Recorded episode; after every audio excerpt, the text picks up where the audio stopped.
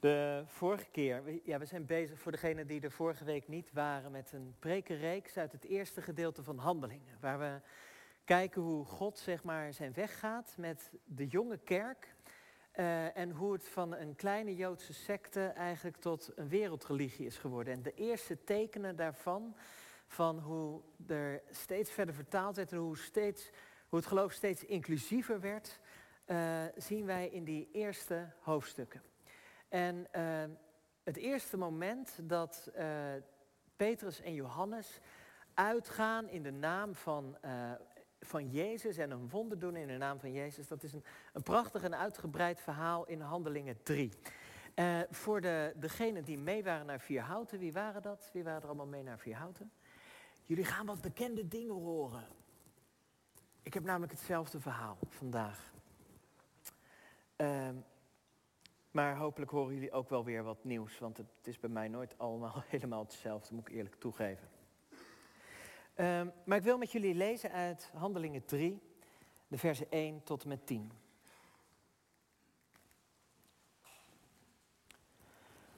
Op een dag gingen Petrus en Johannes, zoals gewoonlijk omstreeks het negende uur, naar de tempel voor het namiddaggebed.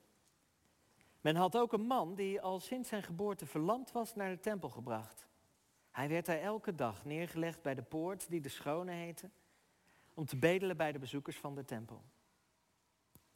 Toen hij zag dat Petrus en Johannes de tempel wilden binnengaan, vroeg hij om een kleinigheid. Petrus richtte zijn blik op hem, evenals Johannes, en zei: Kijk ons aan. De bedelaar keek naar hen op, in de verwachting iets van hen te krijgen. Maar Petrus zei: Zilver of goud heb ik niet, maar wat ik wel heb, geef ik u. In naam van Jezus Christus van Nazareth, sta op en loop. Hij pakte hem bij zijn rechterhand om hem overeind te helpen. Onmiddellijk kwam er kracht in zijn voeten en enkels. Hij sprong op, ging staan en begon te lopen. En daarna ging hij samen met hen de tempel binnen, lopend en springend en godlovend. Alle tempelbezoekers zagen hem lopen en hoorden hem God loven. Ze herkenden hem als de bedelaar die altijd bij de tempelpoort had gezeten. En waren buiten zichzelf van verbazing over wat er met hem was gebeurd.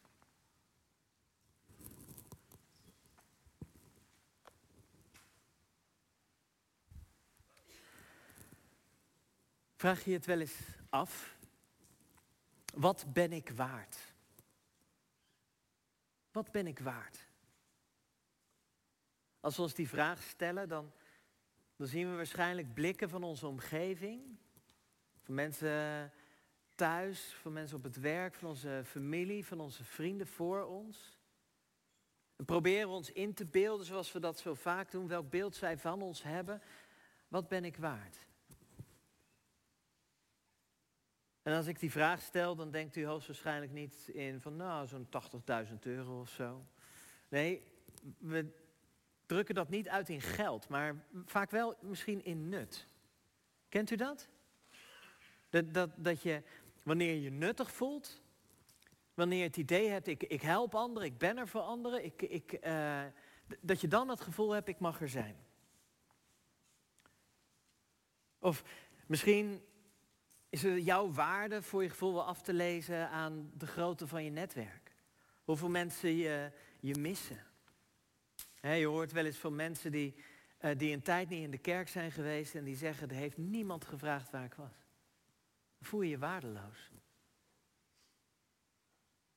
Is het af te lezen aan of je kinderen hebt of niet?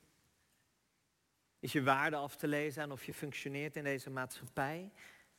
Is je waarde af te lezen aan of het lukt om het goede te doen? Misschien zit in die vraag, wat ben ik waard, wat ben ik waard? Die herhaaldelijke vraag in ons hoofd wel ook de reden dat wij in Vathorst vaak zo druk zijn. Dat het soms lastig is ook voor de kerk om, om mensen te vinden die zich vijf jaar durven te committeren aan de jongerengroep. Omdat we zo druk zijn, omdat we steeds maar bezig zijn onze eigen marktwaarde te verhogen. Onszelf gezien en gewaardeerd te voelen. Wat ben jij waard? En ook wat is de waarde van een ander mens in jouw leven? Zie je iedereen? Misschien dat wij allemaal wel mensen hebben als die man daar aan de poort in ons leven. Mensen die, die er altijd zijn. Een soort het meubilair van ons leven. Degene die we wel zien, maar eigenlijk ook niet. Misschien uh, die meid in de back-office op je werk. Uh, misschien, uh, misschien die ICT'er. Of, of misschien is het juist, juist je baas. Je altijd maar zit en van allerlei dingen vindt en waarvan je van alles moet. Maar, maar waar je verder geen flauw idee hebt. Of dat het nog nooit. Ja, zo'n mens waarbij het nog nooit in je opgekomen is om eens te vragen: hoe is het eigenlijk met je? Gewoon omdat ze er altijd zijn. Aan de rand van je leven. Je loopt eraan voorbij. En misschien ken je wel zo iemand. Misschien is er ook wel iemand in je geschiedenis dat je denkt van ja, die er lang geweest en nu er niet meer is, bedenk ik me pas. Ik heb nooit gevraagd hoe het met hem is. Hoe het met haar is. Heb je zo iemand aan de rand van je leven? Zo iemand die misschien al wel 40 jaar langs jou weg ligt. Of misschien ben je inderdaad wel zelf die persoon. Heb je het gevoel, niemand ziet echt wat ik nodig heb. Langs de weg ligt een man. Ik noem hem uh, meneer Aalmoes. Want dat is wat hij altijd zegt. Aalmoes, Aalmoes. Geef me iets. Heb genade. Geef mij iets. En hij ligt bij de ingang van de tempel. En we zijn als mensen uh, met een westerse mindset, ik heb vorige preek heb ik dit ook gezegd, maar zijn we zo geneigd om weer naar dat wonder te kijken. Oh, die man staat op. Wow, die kan lopen, zijn benen doen het weer. Maar de grootste, het grootste wonder in dit verhaal is dat Petrus deze man ziet. Hij ziet hem. En er wordt ook een bijzonder woord gebruikt voor die, die intense blik van, van Petrus daar langs de kant van de weg. Hij ziet iemand buiten de poort langs de kant van de weg. Het moet een belletje doen rinkelen. Dat Petrus kijkt naar, naar een man Zoals hij ooit eens gekeken heeft naar een man buiten de stadsmuren. Hangend aan een kruis. Iedereen gaf hem geld. Iedereen gaf deze man, meneer Aalmoes, gaf hem geld zodat hij kon overleven. En nu komt Petrus en die geeft hem iets anders. Die geeft hem niet iets om te overleven. Hij geeft hem leven. Er zit, dit verhaal zit barstensvol met symboliek. Eh, als je kijkt, Lucas is zo'n kundige schrijver. Die, heeft, die zet er woorden in, een soort verwijswoorden, die, die zijn, uh, zijn publiek laten weten van, joh, denk eventjes aan deze tekst.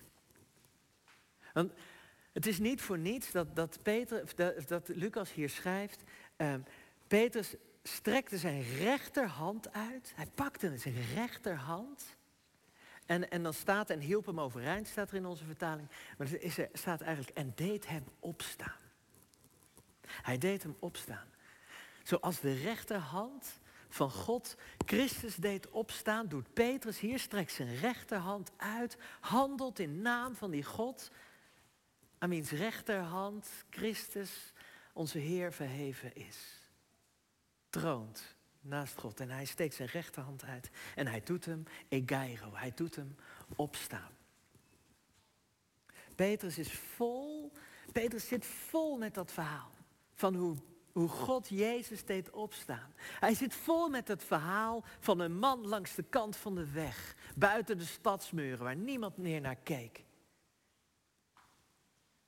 Zijn hart is vol van Jezus. Zijn hart is vol van God. En dat maakt dat hij deze man doet opstaan. Hij is zo vertrouwd met die Jezus die zich steeds identificeerde met mensen als meneer Aalmoes. Die steeds recht deed aan mensen die geen recht gedaan werd. Die mensen zag die een ander niet zag. Totdat hij zelf vergeten leek te worden langs de kant van de weg aan een kruis, opgeborgen in een graf. Totdat Gods rechterhand hem deed opstaan. Maar Lucas die, die, die, pakt, nog, die pakt nog iets. Die, die pakt ook een profetie van Jezaja mee in zijn woorden. Jezaja 35. En ik wil dat even lezen. Ik heb het hier zo opgeschreven. Hoef ik het niet helemaal op te zoeken. Er staat, zeg tegen het moedeloze volk. En je moet weten, dit, dit beeld van Jezaja gaat over de dag dat God weer bij de mensen zou wonen. Dit gaat eigenlijk over het einde der tijden. Over de laatste dag. Over de dag dat God alles recht zou zetten en alles goed zou worden. En de dag die die begonnen is op paasmorgen. Toen er iets geks gebeurde, namelijk dat, dat, dat de Joden die hadden wel de verwachting dat, er een, dat de mensen uit de dood zouden opstaan, dat er een lichamelijke opstanding zou plaatsvinden. Maar zij dachten dat dit aan het einde van de tijden zou gebeuren, op, op de dag van God.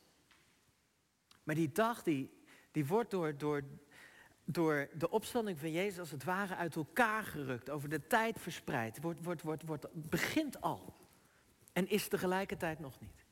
Niet iedereen staat op. Niet iedereen wordt genezen. Maar, maar de wereld, het koninkrijk breekt door. En over die dag zegt Jezaja, zeg tegen het moedeloze volk, wees sterk en vrees niet, want jullie God komt met zijn wraak. Gods vergelding zal komen, hij zal jullie bevrijden. En dan worden blinden de ogen geopend, de oren van doven worden ontsloten. Verlamden zullen springen als herten. Verlamden zullen springen als herten. Dan gaat hij nog door. De, de mond van stommen zal jubelen. Waterstromen zullen de woestijn splijten. Beken de dorre vlakte doorsnijden. Meneer Aalmoes, wanneer hij hier opgestaan is, wanneer zijn knikkende knieën sterk zijn geworden, dan, dan gaat hij niet met een ernstige blik en een statige tred de tempel binnen van nacht. Ik zal hè, met zo'n zwarte Bijbel zo onder zijn arm zo de, de kerk binnen. Nee, hij huppelt. En hij danst de kerk binnen. Precies hetzelfde woord wat hier gebruikt wordt voor verlamden. Meneer Aalmoes, verlamden zullen springen als herten. Dit is wat zal gebeuren als de dag van God aanbreekt. En die echo legt Lucas in dit verhaal. En de, en de oplettende luisteraar, de oplettende kijker daar op dat moment zag gebeuren wat er zou gebeuren als God onder de mensen zou zijn.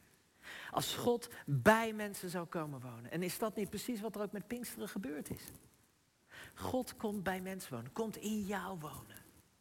In jou, als je Jezus volgt, als je Hem in je hart sluit, als je, als je, zij, als je christen wil zijn, als je God toestaat om, om zelfs in die diepste plekken van je hart te komen, dan is in jou die dag van God aangebroken. Dan is er iets opgestaan, midden in de tijd. En sta je dus vanaf dat moment op spanning, omdat jij al een mens bent van de toekomst. En dat is wat hier gebeurt. Verlamden springen als herten. Meneer Amos danst en huppelt de tempel binnen. Prachtig, hè? En, en, en dan, zou je kunnen, kunnen denken bij dit verhaal van hey, Gods herstel is begonnen met die ene uitgestoken hand. En daar zou ik mijn boodschap op kunnen baseren nu. Dat wij mensen moeten zijn die onze handen uitsteken. Handen uit de mouwen, mensen. Steek je rechterhand uit naar iedereen die het nodig heeft. Maar dan loop je wel een gevaar. Een gevaar dat het behoorlijk activistisch wordt. Een gevaar dat het alleen maar gaat over, over wat wij doen. Maar dat is het niet. De enige reden namelijk dat Petrus zijn hand uitsteekt hier. De enige reden dat, dat dit gebeurt, is omdat hij met zijn hart vol van God is. Dat hij met zijn hart vol van Jezus is. Omdat hij weet waar hij moet kijken. Omdat hij ooit naar Golgotha heeft gekeken. Dat hij weet dat hij zijn hand moet uitstrekken. Omdat hij Gods rechterhand heeft zien uitstrekken. Deze, dit verhaal is een oproep om mensen te zijn die leven met de verhalen van God op je hart. Die zich daarin blijven verdiepen. Die, die, die steeds weer teruggaan naar die basisverhalen. Waar we zien hoe God mensen doet opstaan.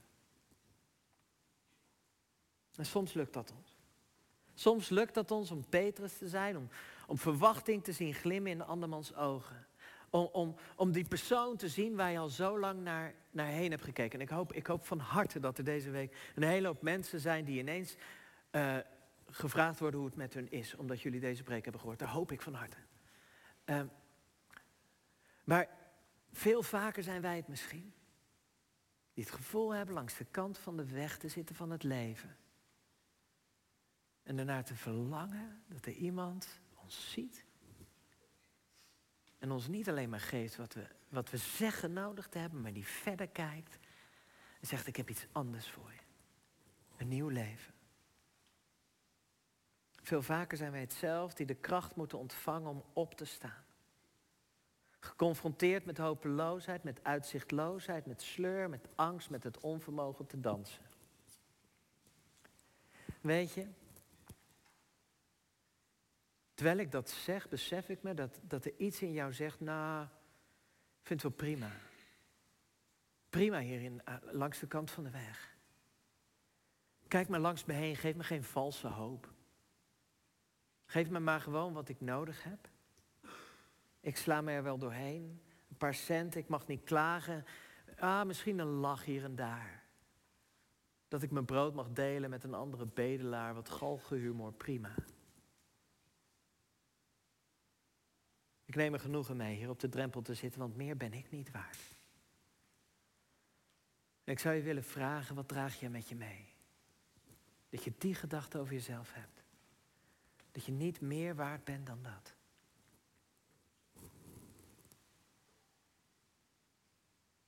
dan hoop ik dat, dat iemand de kracht vindt om jou te zeggen, om mij te zeggen, nee, nee, dit is niet genoeg. Dit is niet genoeg. Jij bent voortbestemd om op te staan. Jij bent voortbestemd om de tempel binnen te gaan. Jij bent voortbestaan om te leven in plaats van te overleven. Waarom? Omdat er zelfs na Gogolta hoop was. Omdat er zelfs naar Gogolta hoop was. Leven, opstanding. En ik weet dat je al jaren niets anders kent dan dit. Ik weet dat je al jaren dat geheim met je meedraagt. En dat jij denkt dat je waardeloos bent. Ik heb je bestemd voor zoveel meer. Ik geef je niet wat je denkt te verlangen. Ik geef je wat je hebt. Sta op en wandel. Als je nu mijn hand niet pakt, dan kom je er nooit achter of je kunt dansen. Sta op en wandel. Want als jij, zelfs jij, blijkt te kunnen dansen, dan word je voor een ander tot een levende hoop. Dat God levens verandert. Ook die van jou. Dat er meer is dan het delen van je brood met een ander bedelaar. Wat bepaalt jouw waarde? Het zou niet moeten zitten in al die dingen die ik opnoemde. We zouden onze waarde of onze waardeloosheid niet moeten afwegen aan het hebben van een baan of het niet hebben van een baan, aan het hebben van een relatie of het niet hebben van een relatie. We moeten het niet afwegen aan het nut wat wij hebben voor de maatschappij of voor de mensen om ons heen. Ons nut zit in die uitgestoken hand. Die zegt, ik zie jou. Ik zie jou nog voordat je iets deed waar ik blij mee was. Ik zie jou nog voordat jij dacht het zelf dat je het waard was. Ik zie jou en ik wil dat je danst in dit leven. Wat is jouw waarde?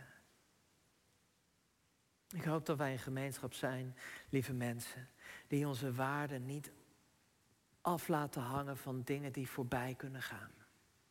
Van dingen die kunnen veranderen. Maar dat we onze waarde aflezen aan dat God tegen ons zegt, Jij bent mijn geliefde kind. In jou vind ik vreugde. Ben jij? En als dat lukt, als je, als je daar kunt zijn, als dat je basis is, dan worden we stabiele mensen. Dan worden we vergevingsgezinde mensen. Dan worden we mensen die, die krachtig en vrij in het leven durven staan. Die niet bang zijn dat, dat een ander ons ziet voor wie we werkelijk zijn. Omdat wie wij werkelijk zijn gevonden wordt in Christus Jezus onze Heer.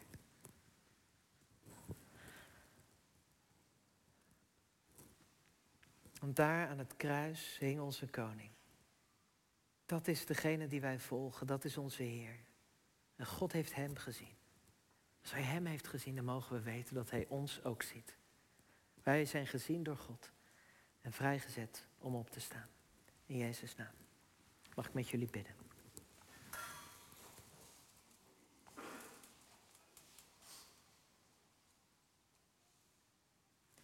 Vader, handelingen beschrijft ons ook wel als de mensen van de weg. Heer, maak ons mensen die elkaar ontmoeten langs de weg.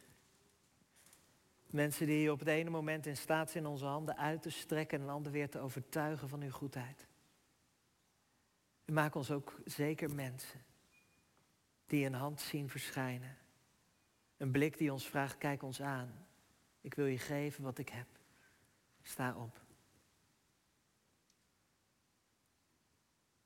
Heer, laat ons mensen van de weg zijn. Uw weg, uw goedheid, uw liefde. Laat die doorslaggevend blijken in ons leven. Amen.